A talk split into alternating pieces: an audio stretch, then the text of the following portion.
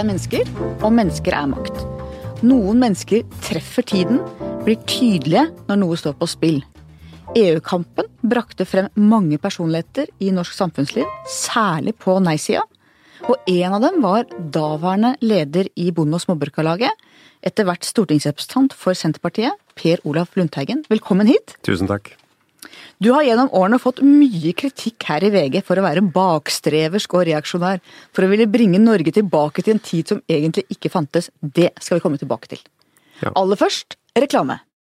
Harry trykket sin gamle venns hånd hjertelig. Det var sånn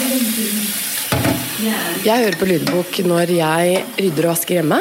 Eh, Jeg er småbarnsmamma, og etter at jeg fikk unger, så har jeg jo ikke tid til å gjøre noen ting. Eh, Men en ting jeg må gjøre, er jo å vaske og rydde. Og da kan jeg kombinere og høre på lydbok eh, samtidig.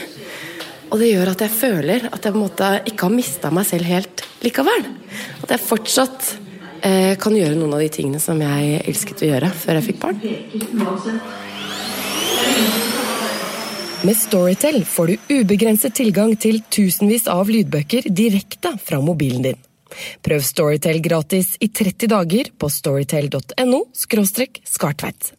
Per Olav Lundteigen, stortingsrepresentant for Senterpartiet. Jeg har fulgt deg i 26 år snart, og du er en av de virkelige karakterene i norsk politikk. Du går dine egne veier og tenker fritt. Eh, Jeg husker en sen nattetime på Stortinget i 1997, da du hadde laget din egen formel for boligskatten, og var i ferd med å få Arbeiderpartiet med på det. Og VG var den eneste avisa med så sein deadline at vi kunne få det til. Og da satt du og jeg i en korridor innerst på Stortinget, og du tegna og forklarte på sånn kladdepapir, husker du det? Ja, jeg husker i hvert fall veldig godt saken, og jeg det var ikke bare det at vi foreslo det for Arbeiderpartiet, men de ble med på det. Ja, de ble med på det, så det var en stor seiersnatt. Og vi, du og jeg dro etterpå på kafé New York i Lille Grensen, tror jeg det het, hvor du tok deg et glass med melk på et colaglass. En sånn colakopp. Og du var opptatt av at jeg måtte presisere at dette var mjølk og ikke cola oppi der. Ja, cola det har jeg ikke drukket siden jeg var i Bangladesh i, i 73. Men jeg husker New York, eh, den baren, for det var en skikkelig sånn luguber bar, og der sitter du gjerne fri for pressen. Men ikke da. Nei, det var hyggelig. Ikke den natta. Jeg husker det, det var hyggelig det. Og du mente den gangen at alle burde ha en bolig med god plass rundt, så de kunne ha vedstabel og campingvogn på tomta, og pisse usjenert bak veggen. Mener du fortsatt at det er noe alle bør ha? Det jeg sa, det var at du kunne, burde kunne slå lens uten å forstyrre naboen. Det var et praktisk uttrykk. Nei, det var ikke det at alle skulle ha det, men, men de som hadde det, de skulle ikke bli skatta i hæl av det. Altså det å ha ei romslig tomt, det, det ser jeg på som eh, noe veldig fint, for da kan du ha varebilen din der, du kan ha harabikkja di der, du kan ha kanskje leikestativet til ungene der, du kan ha litt aktivitet rundt der du bor, og det blir det bra mennesker av. Du vokste opp på Vestfossen i Buskerud, og i 1970 så mistet Vestfossen Ullvarefabrikken, og med det så røyk det 500 arbeidsplasser. Og da inntok AKP ML Eikebygda, der hvor du bodde, og du har sagt at du lærte mye av det. Hva lærte du? Ja, det var jo Svartkatten. Altså, Vestfossen er et gammelt, flott sted. Vi hadde to store fabrikker. Vi hadde Ullvarefabrikken, og vi hadde cellose- og papirfabrikken. Og som, som du sa, dem blei nedlagt og gikk konk, da med et par års mellomrom. Jeg lærte veldig mye da om hvor eh, sterke kapitalkreftene var, hvor brutale de var, hvor store menneskelige konsekvenser det førte til, og et helt sted som da blei i en situasjon hvor en fikk kjempetrøbbel. Og vi skal huske på det at eh, Vestfossen det er et, eh, et sted som har lange industritradisjoner, og det var jo der Hans Nissen Hauge starta sin papirmølle, og det var der han ble arrestert i 1804, og som førte til at han ble satt eh, ti år i mer eller mindre i varetekt. Så jeg er prega av industristed, jeg er prega av konfliktene som det var i det eh, samfunnet i mellomkrigstida, og jeg er prega av haugianerne, av venstretradisjonen, og jeg er prega av ei veldig sterk jordbruksbygd som Øvre Eiker er. Og så lærte du litt om AKP-ere, om hersketeknikker, om eh, de folka der? Ja, det var jo først da eh, fra 73 og utover. Det var liksom bare grunnkurset da på, på, på Vestfossen. Men når vi kom da på Landbrukshøgskolen i, i 73, så var det jo full fart. Og jeg glemmer jo aldri at eh, jeg stilte til valg som eh, første politiske leder i Studentsamfunnet høsten 74, og hvor da motkandidaten var Rød Front. Vi stilte med grønt alternativ, og det var 400 studenter av 600 som møtte opp på generalforsamlinga. Det var fart, ja. Og hva er det viktigste du lærte av AKP-erne? Er det noe du bruker i dag sjøl? De var jo ganske rå. Ja, de var ganske rå. De var jo ganske upassende. Det var jo så tøft at de, de når vi hadde møter, så blei det jo eh, da sagt at nå stopper vi, og så tar vi en avstemning om Lundteigen skal få lov til å si noe mer eller ikke. Så det var jo på det nivået. Men hva gjorde du da? Nei, da, da måtte jeg jo agitere sterkt, da, og fikk jo flertall i salen. For det var en del kommunister som var der, og de støtta da eh, senterpartisten Per Olaf Lundteigen. Så men ellers, det jeg lærte av AKP-erne, det var engasjementet deres. Det var at de var utrolig dyktige.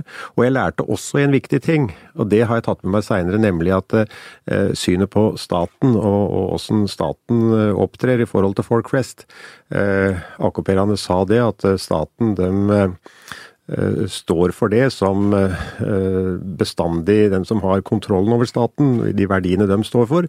Og staten er ikke noen snill onkel. Jeg trodde fram til eh, fighten med AKP-erne at staten og, fellesskapet og det der skulle hjelpe fram de som var svake og, og, i det hele tatt eh, korrigere markedskreftene.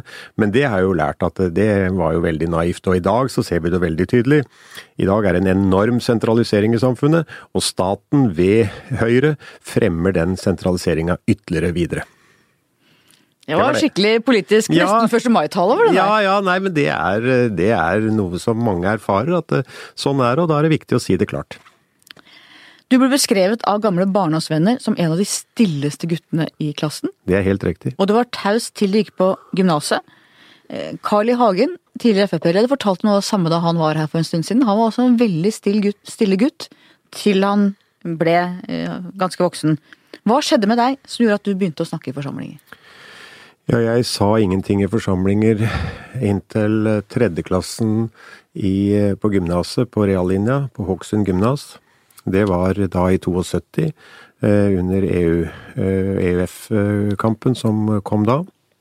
Og da blei altså, hva skal man si, budskapet fra EF-tilhengerne den gangen da, så sterke at dette, jeg greide ikke å holde meg, og jeg huser så veldig godt. Jeg spratt opp som en, en, en strikkball og, og sendte av gårde en bannbulle helt rød som en tomat og satte meg igjen. Det var starten. Var du fornøyd etterpå, eller var du litt flau? Nei, jeg var litt flau. Men det tok ikke slutt? Nei, etter den tida så, så da kom jo eh, diskusjonen om norsk medlemskap i, i EF da, i, i 72, og, og, det gjorde da at en blei mer og mer engasjert. Men jeg er veldig beskjeden, og det er noe som preger meg også i dag. Mange syns at jeg kan være litt eh, liksom litt distanse, og det er ikke fordi jeg ønsker det, men at jeg er veldig beskjeden. EU. La oss snakke litt om EU. Det er helt kjent, Der har vi helt ulike synspunkt på norsk medlemskap. Men mitt spørsmål til deg er Ser du EU i seg selv som godt eller dårlig nytt for fred og stabilitet i Europa i etterkrigstiden? Det er et stort spørsmål, altså. EU blei jo etablert da på 50-tallet, og i starten så var jo det medvirkende til at du fikk et, eh, et samspill og et samarbeid mellom ikke minst eh, Tyskland og, og Frankrike. Eh, så det var jo medvirkende til at en konsoliderte en positiv situasjon. Men vi skal aldri glemme at det som har hele tida vært Eh, lederne i EU sin visjon er jo Europas forente stater. Altså det er en føderal stat. Det er vel ulike syn på det i EU òg? Nei, det er egentlig ikke det. For eh, det er med jo fortsatt, hvis du tar Juncker i dag, så jobber han jo for at du skal få en politisk union. For i dag så er jo EU et kjempeproblem. EU er et kjempeproblem for freden. Og hvorfor er det det? Jo, fordi at eh, de har en systemfeil, eh, sånn som de nå eh, driver. De har altså etablert en felles valuta, en økonomisk union, uten å ha en politisk union. Og det fører jo til at det blir konflikter internt ved at Tyskland, som er motoren, de har da en enorm konkurransekraft, og andre land har ikke det. Andre land får da betydelig arbeidsledighet med sosiale problemer. Sånn at EU i dag er jo et gedigent problem i forhold forhold til freden, fordi at det skaper sosial og politisk uro som følge av stor arbeidsledighet og utrygghet når det gjelder å skaffe seg inntekt. Mener du det hadde vært formålstjenlig hvis EU i dag ble oppløst? Jeg mener det. Mener du det? Ja, det mener jeg virkelig. At eh, et løsere eh, samarbeid mellom de europeiske land, altså nasjonalstater som samarbeider på en løsere måte enn at du har en felles økonomisk politikk, at du har en felles utenrikspolitikk, det mener jeg er en fordel. Jeg mener at vi har sett et EU som gang på gang kommer i kriser, for det har de gjort hele tiden, at de alltid kommer styrka ut av det. Og jeg velger å tro, i hvert fall håpe, at man også kommer gjennom de utfordringene man står for i dag. Og jeg tror i hvert fall ikke det er noen løsning å oppløse EU. Jeg mener at EU har tjent Europa veldig godt. Ja, det er jo et standpunkt som jeg respekterer, sjølsagt. Men vi skal jo aldri glemme at eh, f.eks. Europabevegelsen i Norge er jo medlem i European Movement, som har som formål å etablere Europas forente stater. Og det er jo stadig dypere integrasjon som er målet. Men situasjonen i dag er jo at en får jo ikke til den stadig dypere integrasjonen. Det er for store motkrefter som er mot det, og samtidig som at den ikke kommer videre, så er den ikke villig til å oppgi da euroen og den felles økonomiske politikken. Og det er jo ingen områder i verden, ingen land i verden som har en felles valuta uten å ha et finansdepartement som skal styre det. Det er altså en grunnleggende systemfeil, og, og det syns jeg at EU-tilhengerne tar altfor lite inn over seg. For at dette her vil ikke gå over tid. Nå har vi hatt euroen i en 15 år pluss, og, og, det er nå virkelig problemene kommer. Du er nødt til å ha en politisk union hvis du etablerer en økonomisk union. Politisk union får dem ikke til. De sitter altså i et skårfeste, for å bruke et vestlandsuttrykk, kommer verken fram eller tilbake, og da er det noen som må se de store linjene og oppløse eh, euroen som fellesvaluta og lage til et løsere samarbeid. Eller en dypere politisk Eller en dypere union, men det har han ikke folk med seg på. Så de politiske ledere som prøver seg langs den veien, de kommer til å bli avsatt. Det er mitt postulat. Yes. Jeg og mange andre har skrevet at dere vant EU-kampen i 1994, altså nei-siden, men har tapt hver dag siden. Er du enig i det? Ja, vi har jo tapt mye siden fordi at EU-tilhengerne har jo greid gjennom partiene Høyre og Arbeiderpartiet å ha flertall på Stortinget, og de har jo da systematisk brukt den flertallsmakta for å forme det norske samfunnet i retning av EU, for de har jo aldri gitt opp håpet om å få Norge inn som medlem i Den europeiske union. Sånn at eh, det er mye sant i det, samtidig som at det norske folk er ganske myndige. De veit hvor skapet skal stå, de tenker sjøl, og de er vant til å, å, å klare seg med, med, ganske beskjedne kår, mange. Sånn at det har ikke gått helt sånn som EU-tilhengerne ønska. Savner du EU-kampen? Det var jo ganske gøy, i hvert fall for dere som var ordentlig engasjerte og til slutt vant? Jeg savner ikke. Det, det var jo knallhardt, altså. Jeg var jo med, som du sa, som leder i Bonde- og Småklaget, og jeg betalte jo den første husleia når Opplysningsutvalget om Norge og EF ble eh, holdt her i Bygningsarbeidernes hus i Oslo. Og, og det gikk jo da i slag i slag ifra 88 og, og fram til, til 94, og lærte jo utrolig mye av professor Kristen Nygaard. Han var en fantastisk strateg. Han var utrolig eh, sentral når det gjelder å, å etablere en felles virkelighetsforståelse. Han uh, tenkte ut langt sikt hva som uh, kom framover. Jeg har lært mye av det, jeg savner mye av det. Jeg bruker mye av det jeg lærte den gangen i mitt politiske virke i dag. I dag, brexit. Storbritannia, som altså stemte ja i folkeavstemning til å melde seg ut av EU. Tenker du at det er godt eller dårlig nytt? Det er godt nytt. Det er uh, viktig at uh, eh, EU får en på snuta. Uff meg. Ja, det er helt opplagt. For det at å ha friest mulig bevegelse av arbeidsfolk over landegrensene i et område hvor det er så store forskjeller i lønns- og arbeidsvilkår. det fører jo til at eh, du får sånne vandringer av, eh, av mennesker, og de går jo da til de yrkene som er lettest å komme inn i. Og det fører jo da til at eh, der vil lønns- og arbeidsvilkåra bli svekka. Og det var jo de menneskene da som reagerte i, i, Storbritannia og sa det at vi må få avløst friest mulig bevegelse av arbeidskraft med kontrollert bevegelse av arbeidskraft. Sånn at eh, resultatet ble brexit. Høyrepopulismen vokser jo fram i vår verdensdel. Hva tenker du om det? Nei, den er jeg bekymra for jeg er virkelig bekymra for, og derfor har jeg tatt med meg boka som Anne Grimsrud og jeg skrev, som heter Annerledeslandet. Ja, Den tenkte jeg vi skulle snakke litt om etterpå. Som har en undertittel som ikke er seg sjøl nok. Og vi i Senterpartiet, vi er ikke del av en høyrepopulisme. Vi er del av en bevegelse som hele tida er stolt av, av Norge, som er, satser på nasjonalstaten, men kombinerer det med en internasjonal solidaritet. Og det var årsaken til at det gikk så bra i EU-kampen, at vi bygde på den eh, plattforma. Du reiste til USA første gang i 1970 som ung mann. Hva så du, og hva gjorde det med ditt verdensbilde? Ja, det var vel i, i 73 jeg gjorde det. Eh, og da reiste vi, en kamerat og jeg, vi kjørte bil. Vi kjørte gjennom 26 stater. Vi, vi så virkelig forskjellene som var i USA. Vi så åssen det var i sørstatene, hvor det var mye elendighet. Vi så Midtvesten med de enorme kønnsiloene. Vi så Yellowstone nasjonalpark med bjørn som lå i, i, veigrøftene. Vi var i Los Angeles og så det. Vi var i, i spillekasinoer i eh, Las Vegas. Gambla du, eller? Nei, Spilte du? jeg gambla veldig lite. Vi prøvde litt, men jeg glemmer aldri, glemmer aldri noen damer som sto der med, med sånne svære forklær som var eh, akkurat som de peller epler i Norge, hvor de da satte det forkleet under når de vant uh, gevinst, og det drøss ned med penger, så de hadde liksom en sånn buk med en 20 kilo med, med mynter foran seg. Det gjorde inntrykk. det inspirerte ikke til gambling? Nei, altså jeg kommer ifra, ifra Eh, Hans Nissen Hauge-området, så, så, vi har ikke spilt så mye.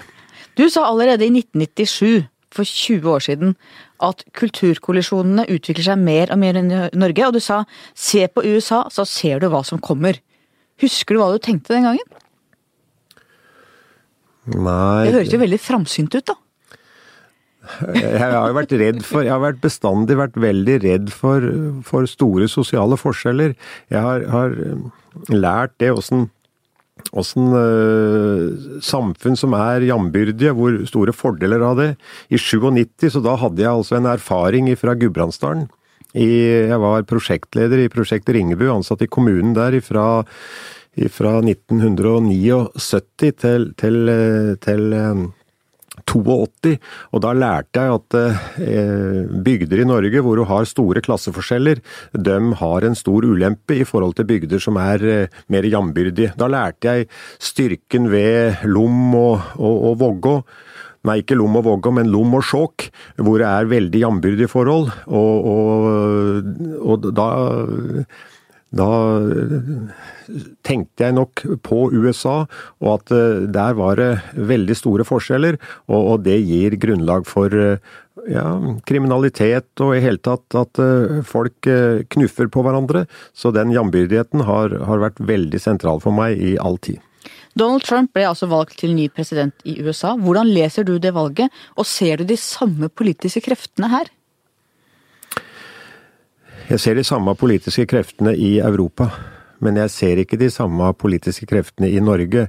For at uh, Norge har ikke vært vanstyrt uh, så gæli at det er virkelig mennesker som fullstendig er blitt satt på sidelinja. Vi har noen, noen, elementer av det, for å si det på den måten. Vi har uh, f.eks. folk som bor i grensetraktene mot Sverige, som har ulv, som ikke blir respektert av de som vil ha ulv i, i Stortinget. Så der har vi noe av det. Men eh, jeg syns ikke det er rett å si at vi har eh, Trump-tilstander i Norge. Men vi har jo også stremninger av anti-elite og antisentralisering. Er Senterpartiet et svar på de strømningene? Liksom, tar dere opp i dere noen av de eh, motstemmende motkreftene i det norske samfunnet? Sjølsagt. Sjølsagt gjør vi det. Altså Senterpartiet er et jordnært, praktisk eh, parti som, eh, som, prøver å kalle en spa for en spa, og som, som er opptatt av at eh, en skal bruke hele det norske territoriet og ha aktivitet utover der. Altså Vi har jo vår tradisjon i, i landbruksnæringa og i fiskerisektoren, og den ligger jo over hele landet. Sånn at vi har forutsetningene for å forstå hva som skal til for at du skal ha muligheter for interessante arbeidsplasser for ungdom over hele landet. Eh, er det sånn at din partileder Trygve Slagsvold Vedum på, vis, på et vis er en mer vennlig og langt mindre farlig utgave av Donald Trump, i den forstand at, eh, at han tar opp i seg nettopp disse proteststemningene eh, og gjør at vi ikke får en Donald Trump her? Nei, altså Trygve Slagsvold Vedum har ikke noe med Trump å gjøre. Han står i det som er Senterpartiets beste tradisjon, nemlig at vi når det gjelder, har en kompromissløs holdning til å sikre desentralisering.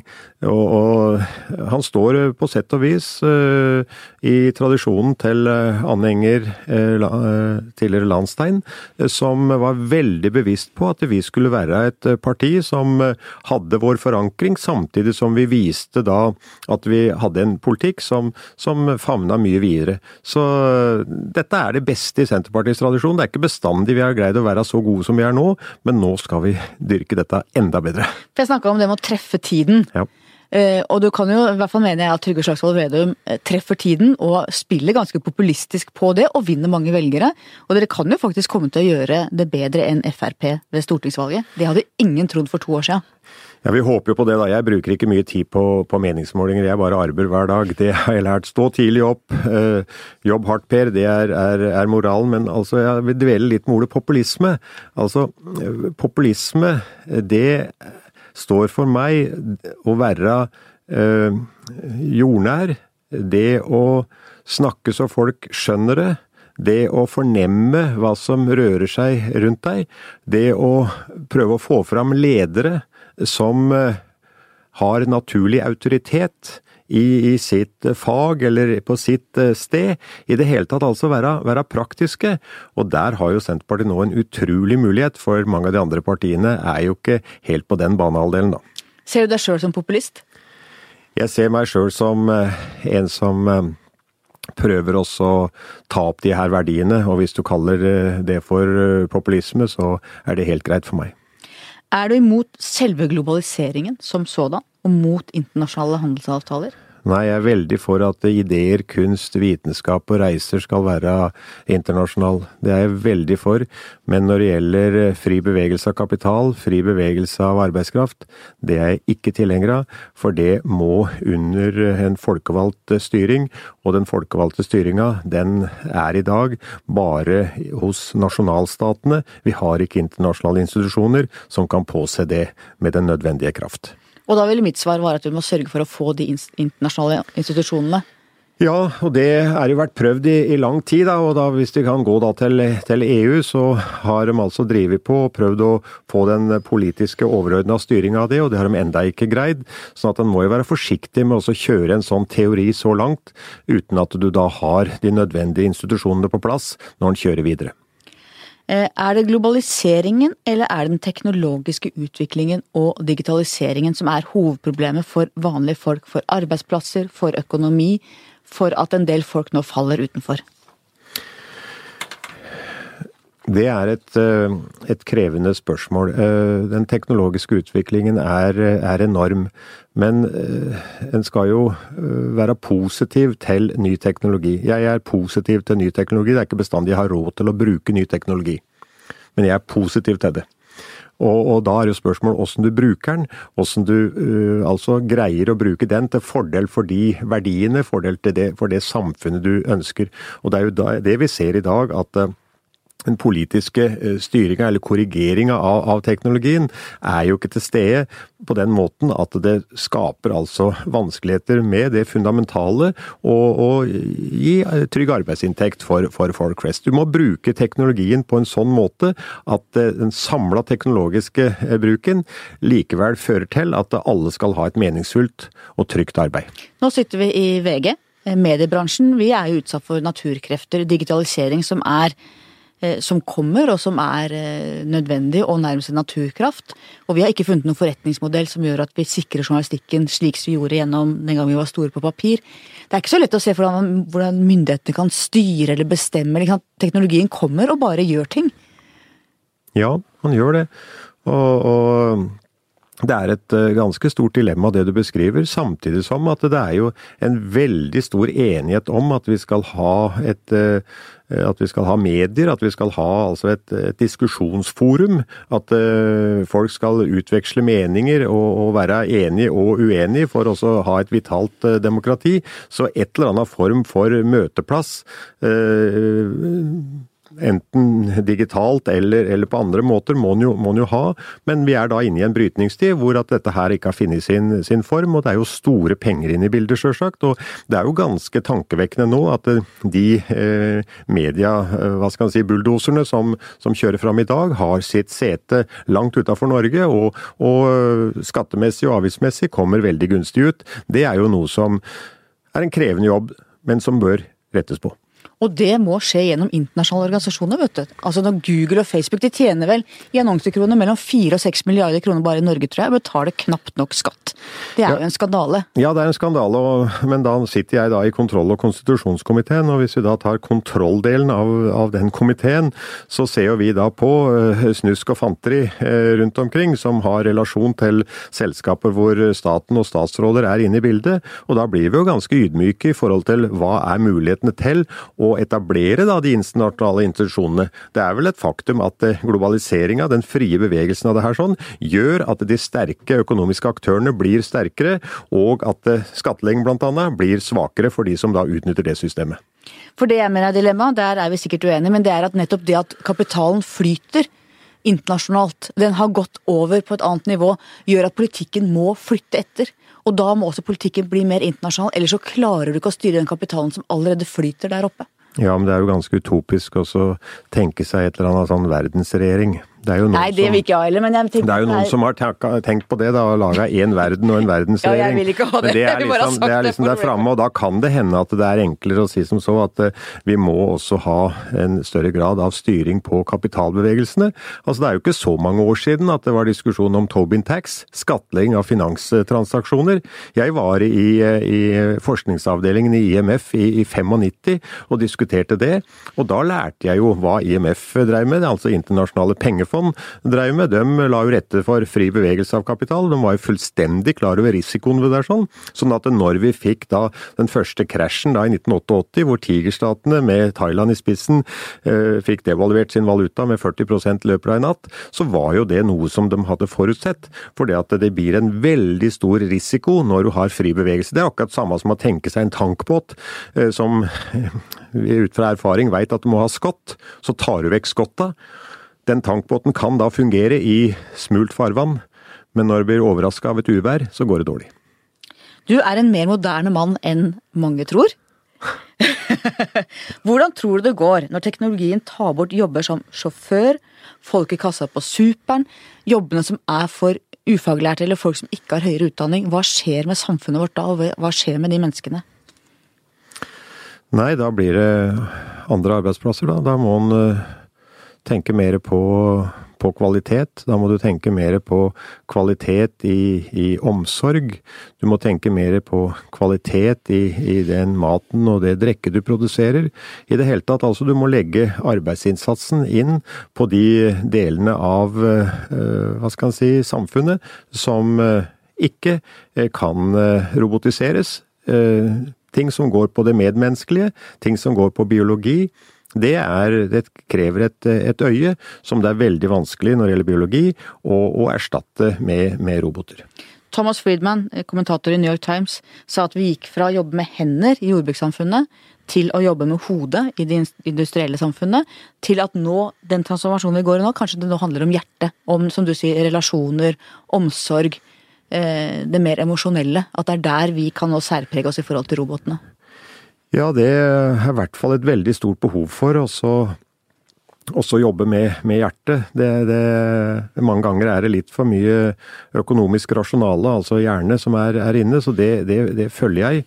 Eh, samtidig som altså at eh, det kommer til å bli noen kjempeutfordringer knytta til biologien framover. Eh, Hva tenker du på da? Da tenker jeg på antibiotikaresistente bakterier. Det, det, er skummelt. Det er, det er altså så farlig. Nå er Øvre Eiker er nå blitt erklært som et spesielt område når det gjelder spredning av antibiotikaresistente bakterier. Det betyr at alle innbyggere på Øvre Eiker kan nå få gratis screening om en er da, er da smitta av, av, de bakteriene, og, og, får da en plan for hvordan man skal få det vekk. Altså Når du får de her eh, ulumske bakteriene rundt i jorda, i vannet, i lufta og rundt omkring, da er vi inne i en helt ny situasjon. Sånn at eh, det å ha en bevissthet knytta til, til eh, antibakterielle midler, det er det vi egentlig snakker om her, sånn. Altså midler som dreper bakterier. Det er viktig, for vi, vi, har jo rundt oss milliarder av bakterier. Vi har snille og mindre snille bakterier, og vi må jo da passe på at vi greier altså å ha en stamme av de snille bakteriene som greier å ha overtaket, og at vi blir eh, immune da, mot de, de, de, de, skumle bakteriene. Men her er altså antibiotika noe av det viktigste, og jeg er veldig stolt av det jeg har vært med å få til, nemlig å få eh, antibiotikumet narasin ut av maten til kyllingen. Det skjedde for et par år siden.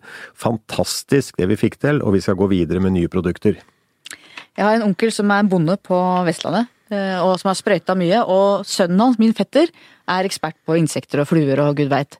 Og han fikk da sin far til å erstatte sprøytemidlene på noen sånne trær og blader med insekter som spiste de andre insektene. Det er dit du vil, da, eller? Det er dit jeg vil. Altså, det er dette som er noe av basisen for mitt politiske engasjement. Det starta på 70-tallet med den grønne bølgen, og hvor det var altså grønn bølge og ny økonomisk verdensordning og forståelsen av økologien, samspill i naturen.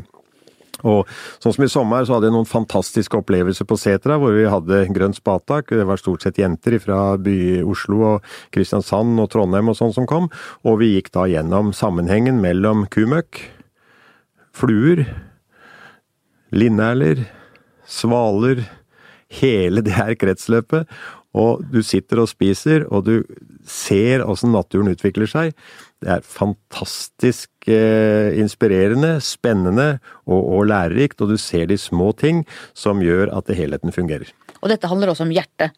Ja. Men det blir, ikke, det blir, kanskje ikke nok hjertejobber heller. Er borgerlønn et svar? Noen mener at det kan være et svar. Vi var i arbeids- og sosialkomiteen i Finland, og de har et forslag nå med borgerlønn. Eh, det det er noe en ikke skal stille seg helt fremmed fra, men altså, borgerlønn er jo noe som kommer når en ikke greier å takle det med de vanlige ordningene, som er eh, bedre etter mitt, mitt skjønn.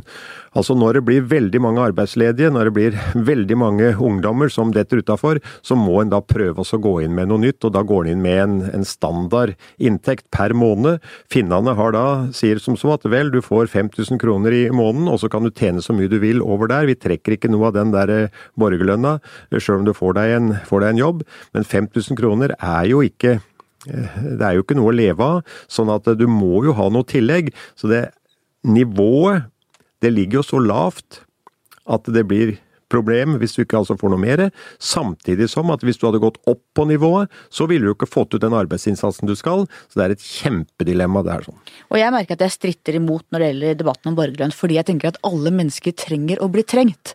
Alle mennesker trenger å være til nytte for noen, bidra med noe. At hvis du bare er passiv mottaker, så tror jeg det ødelegger selvtillit, selvrespekt, ja, meningen med livet, rett og slett, da. Ja, det er, det er min grunnholdning òg. Det, altså, det å arbeide, det, det blir ukesjuka. Det er fantastisk eh, flott. Det er, det er en, en, stor glede, og det arbeidsfellesskapet som du er i, det, det gir veldig mye. og folk eh, ser jo, Vi ser jo fram til det hver eneste dag, å treffe, treffe kollegaer og, og, gjøre noe som er, er nyttig. Og, og, da er det arbeidslivspolitikken, næringslivspolitikken, som er det viktigste. Og på næringsliv så har jo Norge noe kjempemye nå å gjøre, for vi er jo elendige på det punktet. Vi har jo ingen industripolitikk. Vi, vi etablerer jo ikke nå nye arbeidsplasser. Det snakkes om grønne, grønt skifte. Hva gjør vi der? veldig lite. Vi lager jo ikke lange verdikjeder på fisken vår, f.eks. Vi produserer jo enorme mye eh, råstoff av fisk, for å si det enkelt, men det er jo nesten ikke noen foredling. På tømmersida så, så, så, eksporterer vi jo nå sliptømmer til, til, Sverige. For første gang i norgeshistorien så eksporterer du sliptømmer over Drammen havn. Du hadde jo ikke hatt Drammen hvis du ikke, hvis du ikke hadde hatt foredla tømmer, men nå har vi altså gått vekk ifra det. Så det men hadde dere vært med i EU, så hadde vi fått eksportere fisken ferdigforedla. Dette handler jo også om at vi ikke er med Jeg bare måtte si det. Du måtte si det. Men det er jo bare det at fiskerne sa jo nei til det der sånn sjøl. Ja. Og de gjorde jo det fordi at det viktigste var jo å ha hånd om, om, om fisken. Og, ja, men Vi tar ikke hele fiskedebatten, men det der tok de feil, altså. De var forutseende. Det har gått rett til værs når det gjelder eksporten av fisk. Hva, teknologien, hva er viktigst for utvikling i Norge? Bredbånd til hele Norge eller nye og bedre veier? Bredbånd til hele Norge. Du mener det? Ja, det mener jeg virkelig. Det mener også Telenor Norge-sjefen Berit Svendsen som var her. Hun var helt klar på det. Ja, Hvorfor mener du det? Det heter digital allemannsrett. På samme måten som vi i vår tid fikk, eh, fikk strøm fram til samtlige husstander, så fikk vi telefon fram til samtlige husstander, så må vi nå få en fiberkabel fram til samtlige husstander. Det vil altså si en tilbudsstyrt utbygging av fiberkabel. Eh, det må være da det offentlige står som utbygger av det, fordi at eh, i dag så er det jo en etterspørselen som bestemmer hvem som skal få denne her fiberkabelen, og da kommer jo fiberkabelen til der hvor det lønner seg for selskapet å bygge ut. Så det er ikke minst viktig, for da tar vi jo vekk hele avstandskostnadene. Det er jo fantastisk. Vi har jo aldri i Norge hatt så mange arbeidsplasser som har vært knytta til arbeid som ikke flytter noe varer. Altså, det kan ligge hvor som helst. Når for eksempel nå regjeringa sier at det, det er nesten ingen som trenger å dra på et offentlig kontor lenger. Hallo, da er det i hvert fall ikke noe behov for å legge det offentlige kontoret der hvor det bor mange mennesker. Da kan jo legge det kontoret eh, på Kongsberg, eller på Geilo, eller, eller i Ål. Fordi at det, det kan jo fungere glimrende med da den moderne teknologiske kommunikasjonen, og det er jo mer enn nok av ungdommer som vil bo der. Du kan bare se på hva Kartverket har fått til i Ullensvang. De har en egen avdeling i Ullensvang. Det er altså så stabil arbeidskraft, det er så flink arbeidskraft, og de er nesten ikke sjuke, for de er i en kultur hvor de er vant til å arbeide hardt. Du vokste opp på gård, vant til å arbeide hardt. Foreldrene forpaktet den fram til 67, og så kjøpte de gården. Og da ble du odelsgutt. Fortell litt om foreldrene dine. Ja, han, eh, han far gikk på, gikk på skauskolen. Han, eh, etter krigen, han fikk jo magasår. Han var prega av det at han var på skauen under krigen, og det var en tøff belastning. Hvordan merka du at han var prega av det? Nei, altså det, det, var den psykiske belastningen som, som, var det der sånn, og det medvirka jo da til at uh, sammen med hardt arbeid, da, du fikk magesår, og den gangen så var det jo ganske grove operasjoner, for å si det enkelt, så de skar vekk ganske mye. Sånn at eh, når far døde når han nå var 92 år, så hadde han ei veldig en veldig lang epikrise, er ikke det det heter, over, over sånn, men han var virkelig sprek, og han han var utdanna altså eh, i, i skau og i jord, og blei tømmermåler. Og, og, målte altså tømmer, eh, som var altså en tillitsforhold da mellom den som, som, selger og den som kjøper, og du skulle gjøre det ordentlig, pertentlig, nøye og der sånn. Eh, kjørte mye traktor, ødela, ødela knea sine på på en major i, i kuldegradene i Veståsen uh, under en Sirocco, som det heter. En major, hva tror jeg. En major det er en traktor. Det er en Fordson, major, som var sånn at du måtte kløsje ut uh, hver gang du skulle heise opp leseapparatet. Du kløsja ut når du heisa opp, og, og, og, så måtte du sette han i gir igjen. Uh, han, han, han, måtte arbeide for penga. Var hun nær faren din, eller? Ja, så klart det. Det er jo en far som har eh, Han har jo støtta meg gjennom alle år. Altså, jeg har jo Jeg står jo i en veldig djup bondekultur som går ut på det at du skal gjøre ting bedre og investere, og du skal leve av veldig nøkternt sjøl, men du skal forbedre det du driver med. Så vi har jo bygd mye hus, vi har dyrka mye jord, vi har grøfta, vi har sprengt, vi har, vi har prøvd også å forbedre det vi skal. Eh, men det har jo likevel vært vanskelig da å holde tritt med utviklinga, fordi at eh, Det som har vært jordbrukspolitikken de siste åra, har jo vært sånn at du må doble volumet i produksjonen din hvert ellevte år. Og sjøl om du da altså var veldig sterk og veldig bevisst, så var det veldig mange som ikke greide å, holde tritt, fordi at, fordi at økonomien holdt jo ikke følge med det. Hun mor, hun, hun serverte på Sundhaugen, på en restaurant, om natta. Småunger om dagen og kuer og, og det hele. og Begynte etter hvert på ligningskontor og kombinerte det å være ligningsfunksjonær med å, med å, å drive gård, og, og arbeide helt til jeg ble pensjonist, og er i beste velgående i dag. Hvem av dem ligner du mest på? Jeg ligner på mora mi når det gjelder å være direkte. er hun fortsatt direkte overfor deg, eller? Ja, ja, jeg er jo det. Altså, jeg ligner mest på mora mi der, så der har jeg det. Og så ligner jeg på en far når det gjelder å være standhaftig, antagelig. Så du har en god arv fra begge? Ja, jeg er veldig stolt av foreldrene mine. Du sa i sin tid at ungene kan få øks og kniv når de er fire år og går i barnehagen. Ja, mener du fortsatt det? Det mener jeg virkelig. Fordi at eh, det er altså så viktig at eh, smårollingene lærer livets eh, virkelighet. Men du må vise dem at kniven og øksa er skarp, altså. Og de må bare kjenne litt på den, den skarpe der. Gjør ikke noe om det blør lite grann, for da trenger du ikke å si det seinere at det er farlig. Så, så, jeg har veldig tro på det, og det jeg huser så godt når jeg sa det, det var et svært oppslag i, i Aftenposten. Og da blei jeg jo tatt inn i Norsk Skadeforebyggende Forums årsmøte, hvor jeg var den store skurken som kunne si noe sånt noe. Jeg ødela alt det skadeforebyggende arbeidet i Norge.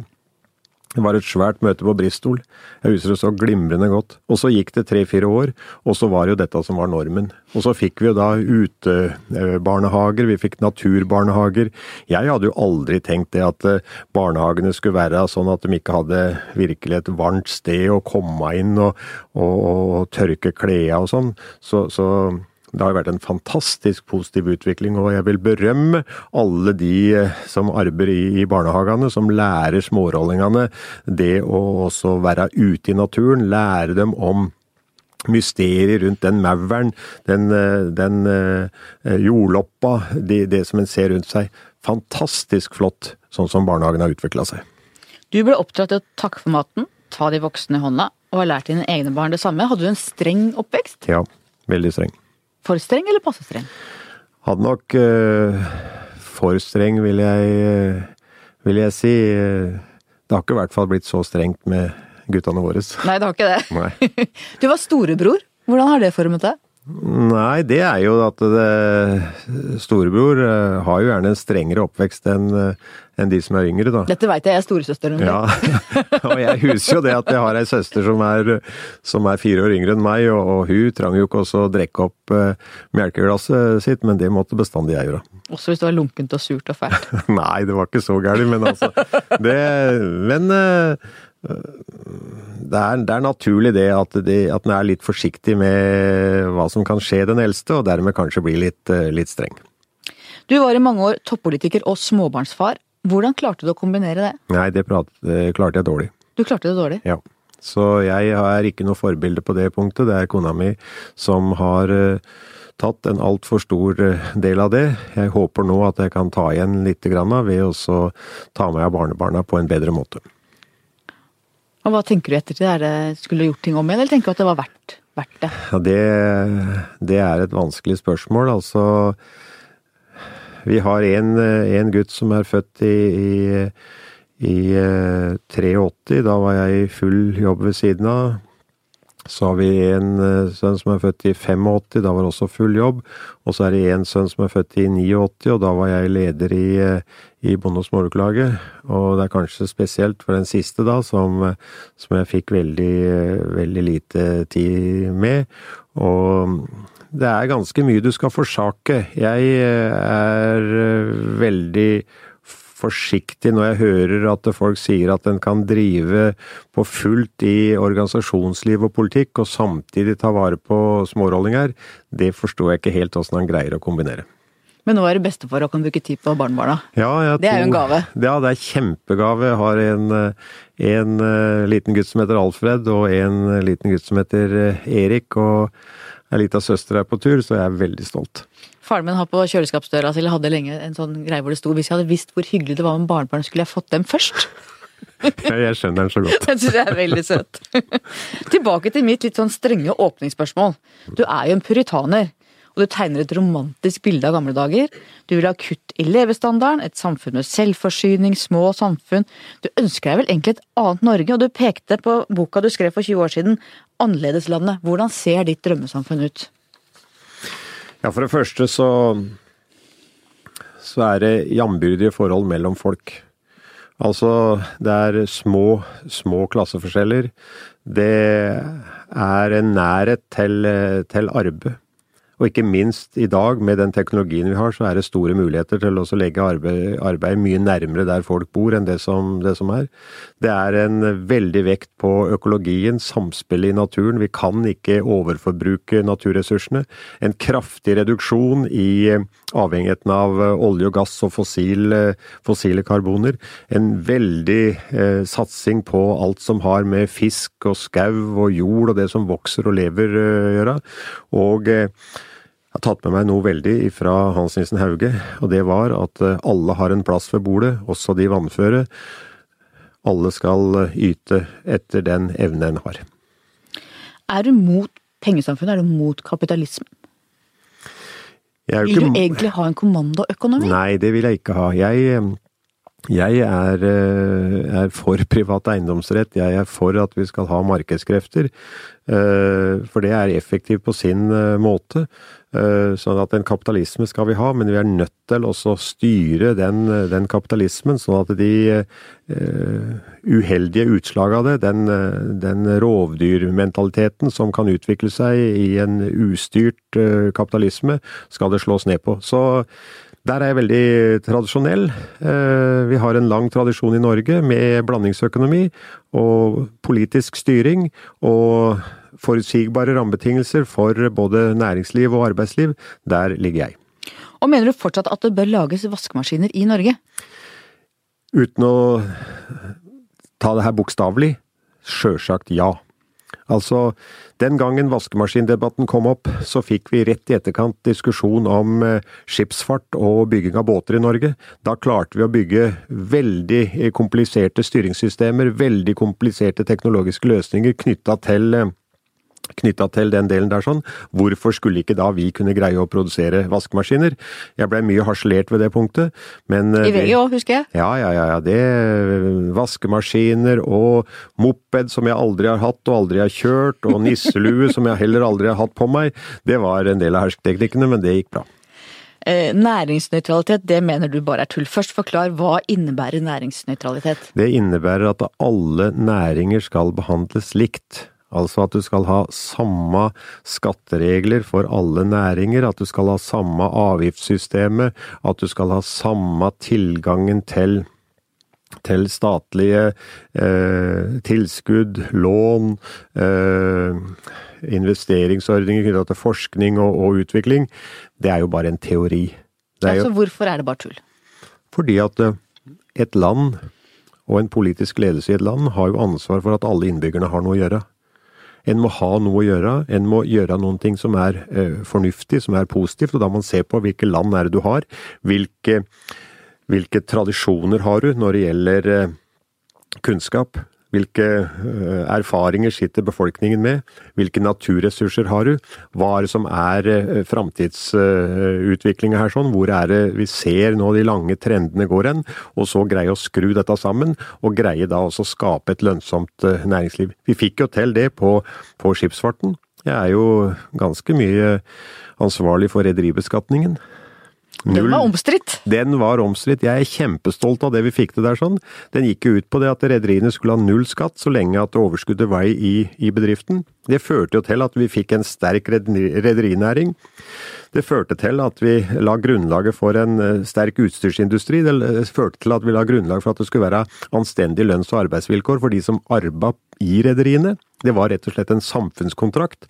Eh, Eh, daværende eh, direktør, eh, administrerende direktør i Rederiforbundet, Marianne Lie, var virkelig en toneangivende kraft her for den samfunnskontrakta, og det var noe positivt som gjorde at det, det overrisla hele bransjen. Og hva er ditt, dette er en lissepasning til deg, hva er ditt største ankepunkt mot dagens økonomiske tenkning og dagens økonomer? Nei, de er, eh, de er for lite for lite praktiske, de er for lite langsiktige, de er for lite byggende. De ser ikke hva er det som Norge har eh, grunnlag for å, å, å, å, gå i retning av. Og det gjør da at de altså lager ikke til de nødvendige virkemidler for å foredle fisken vår, foredle tømmeret vårt, de naturressursene som er basisen, eller er sterke nok da i å sikre at de patentene som eh, forskere og universitetsfolk i Norge får fram, at de forblir i Norge. Rett og slett Veldig mange av de eh, framtidsretta patentene blir jo solgt til utlandet fordi at det ikke er nok interessant å utvikle dem videre i Norge. Du er en skikkelig Senterpartibonde, og etter sigende ryktene sier at du også er en svært begavet akademiker. Men du kom i første omgang ikke inn på Landbrukshøgskolen på Ås. Fortell hva som skjedde. Nei, altså jeg er ikke noe spesielt begava. Det, det, det, har jeg hørt. Ja, ja, men det, det, er mye du hører, men det er ikke sant. Altså Det som særpreger meg, det er at jeg har lange arbeidsdager. Jeg hører med til dem som legger stein på stein på stein. Nei, jeg kom ikke inn der, og det var fordi at praksisen min ikke ble godkjent. For jeg hadde praksis hjemme på gården, og, og hadde ikke da jobba rundt omkring ellers. Og den gangen så måtte du ha et visst uh, periode med praksis for å komme inn der. Men så var det da en nabo som uh, hjalp meg, og, og, vi reiste ut der. Og jeg fikk greie på at det var det som var saken. Og så fikk jeg da ny attest fra heradsagronomen, som det heter på nynorsk. Og, og dermed så kom jeg inn som nummer én på ventelista. Og, og da begynte jeg i allsidig jordbruk på Norges landbrukshøgskole i 1973. Ja, For du gikk og banka på døra til rektor? Nei, til studielederen. Til studie, ok, Ikke ja. så ambisiøst, da. Til studielederen. Ja. Greit. Du har ikke alltid vært sikker på at Senterpartiet var det rette partiet for deg, har du det? Nei, det har ikke vært. Og hva har vært nummer to? Nei, det er det som har vært øh, problemet. Jeg har ikke hatt noe nummer to. du måtte velge den nest beste uten at det finnes en beste? Ja, altså Jeg har vært usikker på Senterpartiet i de periodene hvor ikke vi var eh, dyktige nok i å ta vare på de menneskene som eh, bor i skaukanten, for å si det på den måten. De som føler at uh, en ikke har noe, noe, talerør. Altså, Norge har ikke hatt noe Veikko Vennamo-parti, sånn som du har i Finland. Og det er fordi at Senterpartiet har i stor grad holdt seg uh, sånn at uh, vi har vært det beste partiet for de som har hatt en, en, en, rolle som ikke andre har greid også å takle. Bør Senterpartiet igjen gå i regjering med Arbeiderpartiet? Ja, men under én viktig forutsetning, og det er at vi får mer igjen for et regjeringssamarbeid med Arbeiderpartiet enn å være i opposisjon. Og det betyr, ut ifra de erfaringene vi har for den siste åtteårsperioden, at vi må få gjennomslag for noen reformer som er sånn at de blir varige. Vi snakker altså ikke om å få noe mer penger i kommuneoppgjøret, eller noe mer penger i jordbruksoppgjøret, eller noen andre sånne, sånne bilder som folk henger på oss, men ved å f.eks. få fram fiberkabel til samtlige hus i Norge. Er Arbeiderpartiet med på det, så begynner det å ligne noe. Bør SV være med i en ny regjering?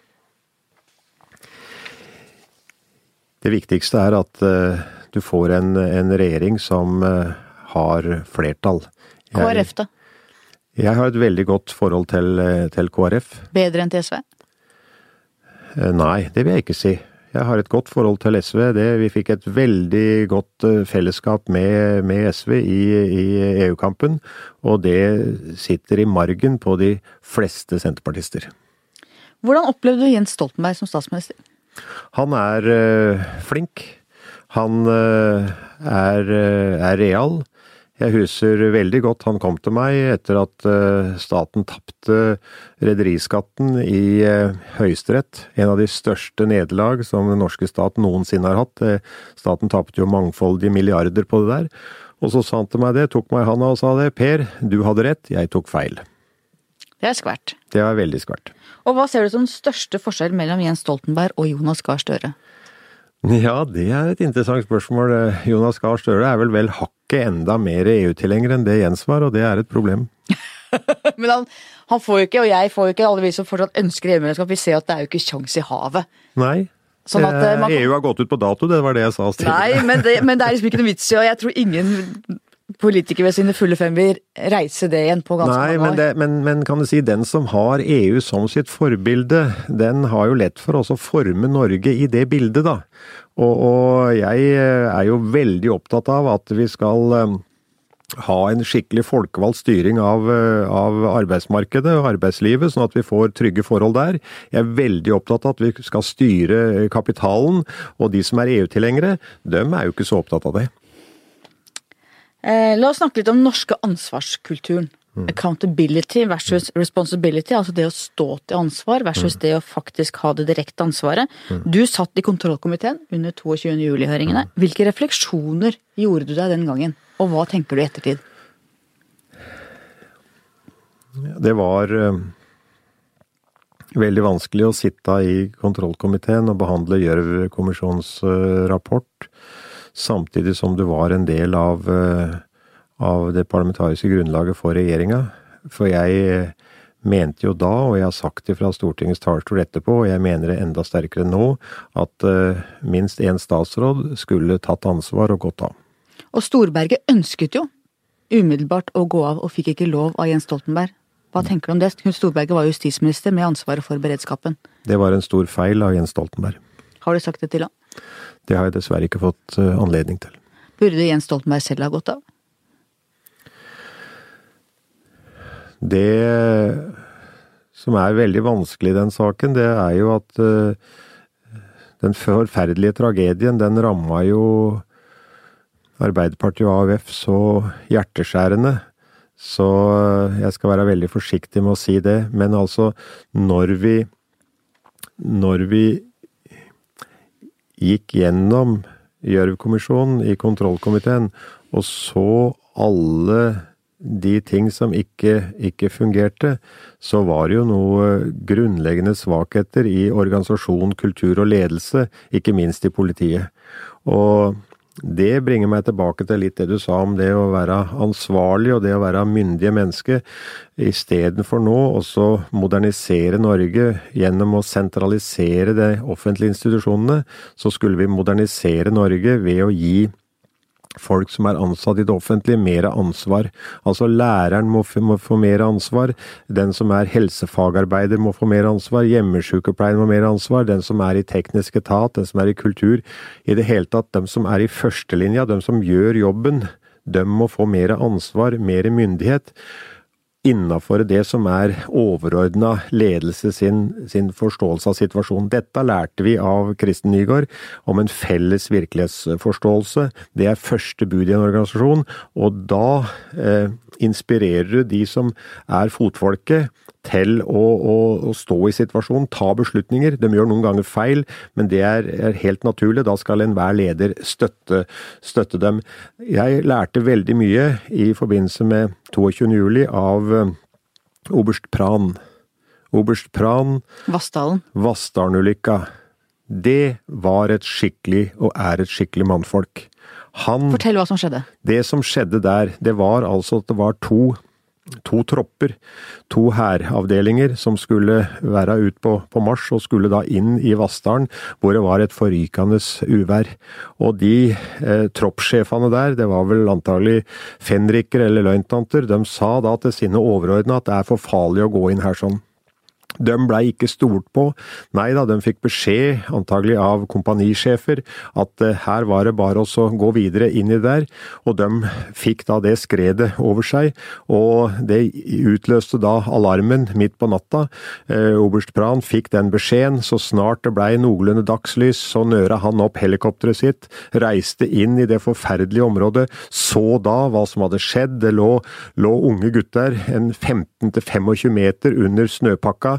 Det var helt forferdelige forhold. Han ga bare de nødvendige beskjeder for hva som skulle gjøre. Tok, eh, tok helikopteret videre og reiste til, eh, til eh, brigaden i Nord-Norge, øvingsledelsen der sånn, og sa det at jeg trer av. Han tok ansvar. Han var ikke ansvarlig for ulykka i det hele tatt, men han var et mannfolk. Og det har jeg aldri glemt, og det må jeg si, det er en ledestjerne for meg nå i kontrollkomiteen at de som er sjefer er ansvarlig for hvordan systemet fungerer, og hvis det da skjer en sånn alvorlig hendelse, så er det sjefene som skal gå, ikke sparke nedover på dem som står i situasjonen. Dette er jeg så enig i. Takk. Er beredskapen god nok nå? Nei, nå er den jo dårlig som bare pokker. Det er dårlig som bare pokker. Vi har nå sak i kontrollkomiteen om eh, om objektsikring, altså sikring av sivile og militære objekter. Og der er jo Riksrevisjonen har jo påpekt at dette ikke er på stell i det hele tatt. Og så forsøker jo da regjeringa å hemmeligstemple de rapportene, sånn at eh, nå skal vi gjennomføre da eh, åpen høring omkring objektsikringa. Eh, og det er jo da for å få fram her hva i all verden er det som skjer. Sånn at eh, de sivile objektene, altså da snakker vi om eh, om kraftstasjoner, vi snakker om, eh, om eh, eh, distribusjonssentraler, altså trafostasjoner, vi snakker om datakommunikasjonssenter, vi snakker om bruer, vi snakker om vital infrastruktur, som i dag ikke er pekt ut. Vi har ikke folk til å gjøre det. Vi har ikke heimevernssoldater som i tilstrekkelig antall, med tilstrekkelig utdanning, tilstrekkelig utstyr, tilstrekkelig trening. Sånn kan du gå gjennom det på den delen av det. Så kan du gå inn på matvaresikkerheten. Matvareforsyninga i Norge er jo eh, vel Vi må tilbake til, jeg veit ikke, mange, mange tiår for å ha en dårligere matvareberedskap enn det vi, det vi har i dag. Og så går vi til kriminalomsorgen. Kriminalomsorgen, ja, det er jo et interessant Nei, nå må du vente, for jeg har nemlig du har nemlig, hvis jeg tar rett da, Hassel fengsel. Du har innsatte som passer på kyr oppå setra di, er det riktig? Jeg hadde. Det er det mest meningsfylte arbeidet jeg driver med. Vi hadde et samarbeid med Hassel fengsel, som var en, en, et fengsel med åpen soning. De hadde sine kuer, vi hadde våre kuer. Så slo vi de kuene sammen og, og dreiv på Myrefjell seter i Rollag i, i, flere år.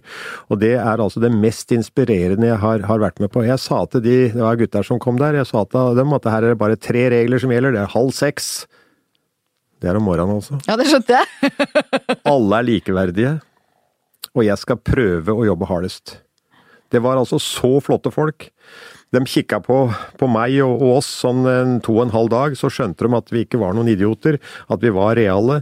Og, og det endte jo opp med at eh, jeg husker en, han lagde treretters middag med, med sjokoladekake bakt i en eh, vedovn Gjennom de, alle de åra vi drev oppe, så nevnte jeg ordet bare fengsel bare én eneste gang, og jeg huser så inderlig godt. Vi hadde en avtale om at når det kom, når bestemor kom på setra med smårollingene sine, så skulle den første av oss som så av bestemor, skulle ta ansvaret for bestemor og vise seg rundt, og de her innsatte, de var glimrende i sin fortelling om hva vi dreiv med, med kuer og kuskitt og fjøs.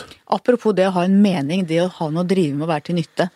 Det er det som er poenget, og, og det og, og, og lære også, også leve. En lærer jo masse da om, om rett og slett om også kle på seg og spise og få rytme i livet. Og, og, noen var altså interessert i dyr, og dyr har en fantastisk positiv virkning på noen ved at du får et nært forhold til dem, og først og fremst er det melkekuer, hvor du da har et nært forhold hver eneste dag, to, to ganger om dagen, og så har du små kalver som blir født, og så får du gleden av det, men så også opplever du da at det er en dag hvor det blir slakting, og det er altså livets virkelighet. Vi har snakka mye om verdier. Tenker du at verdiene er de samme på bygda og i byene i Norge? Ja, det er mye det. Det er mye det, men altså vi har jo ganske forskjellige livserfaringer etter hvert, da. Men det er jo utrolig hvor, hvor, hvor mange som bor i by som er, er, virkelig interessert i det som skjer ute. Og, og jeg nevnte Rollag kommune, der er det nå 2000 hytter. Det er altså en 1200-1300 innbyggere. Og så er det 2000 hytter. Og det er jo så mye interesserte folk som eh, er på de hyttene, og som da eh, i stadig større grad eh, engasjerer seg i i samfunnet. Nå hadde vi jo en fantastisk flott opplevelse nå for noen få måneder siden, nemlig når lensmannen, ordføreren, Hytteeierforeningen og jeg kom sammen for å sikre lensmannskontoret. Vi tapte i første omgang, men vi skal vinne. Det kan bare Erna Solberg huske på. Hvordan ser du religionens plass i det norske samfunnet? Den har en stor plass. Den eh, religionen som eh, hva skal man si, ikke er så veldig høyt oppe i, snakket hver eneste dag, men som ligger der som en norm for åssen du oppfører deg i forhold til folk. Tror du på Gud? Ja. Hva ber du om når du ber? Nei, jeg ber om at en skal uh, ta vare på hverandre, og at vi skal uh, vise omsorg. Til slutt, hva skal være historien om deg? Per Olaf Lundteigen, det var han som ja, kanskje var engasjert. Som eh, representerte de som eh, føler at de bor i skaukanten. Og vi huser han også som en av dem som slåss for at Norge skulle være utafor Den europeiske union. Tusen takk for at du kom. Hyggelig. Takk til deg som hørte på. Lik og del, som det heter i vår tid. Takk til researcher Grete Ruud og til produsent Magne Antonsen. Vi høres igjen neste uke.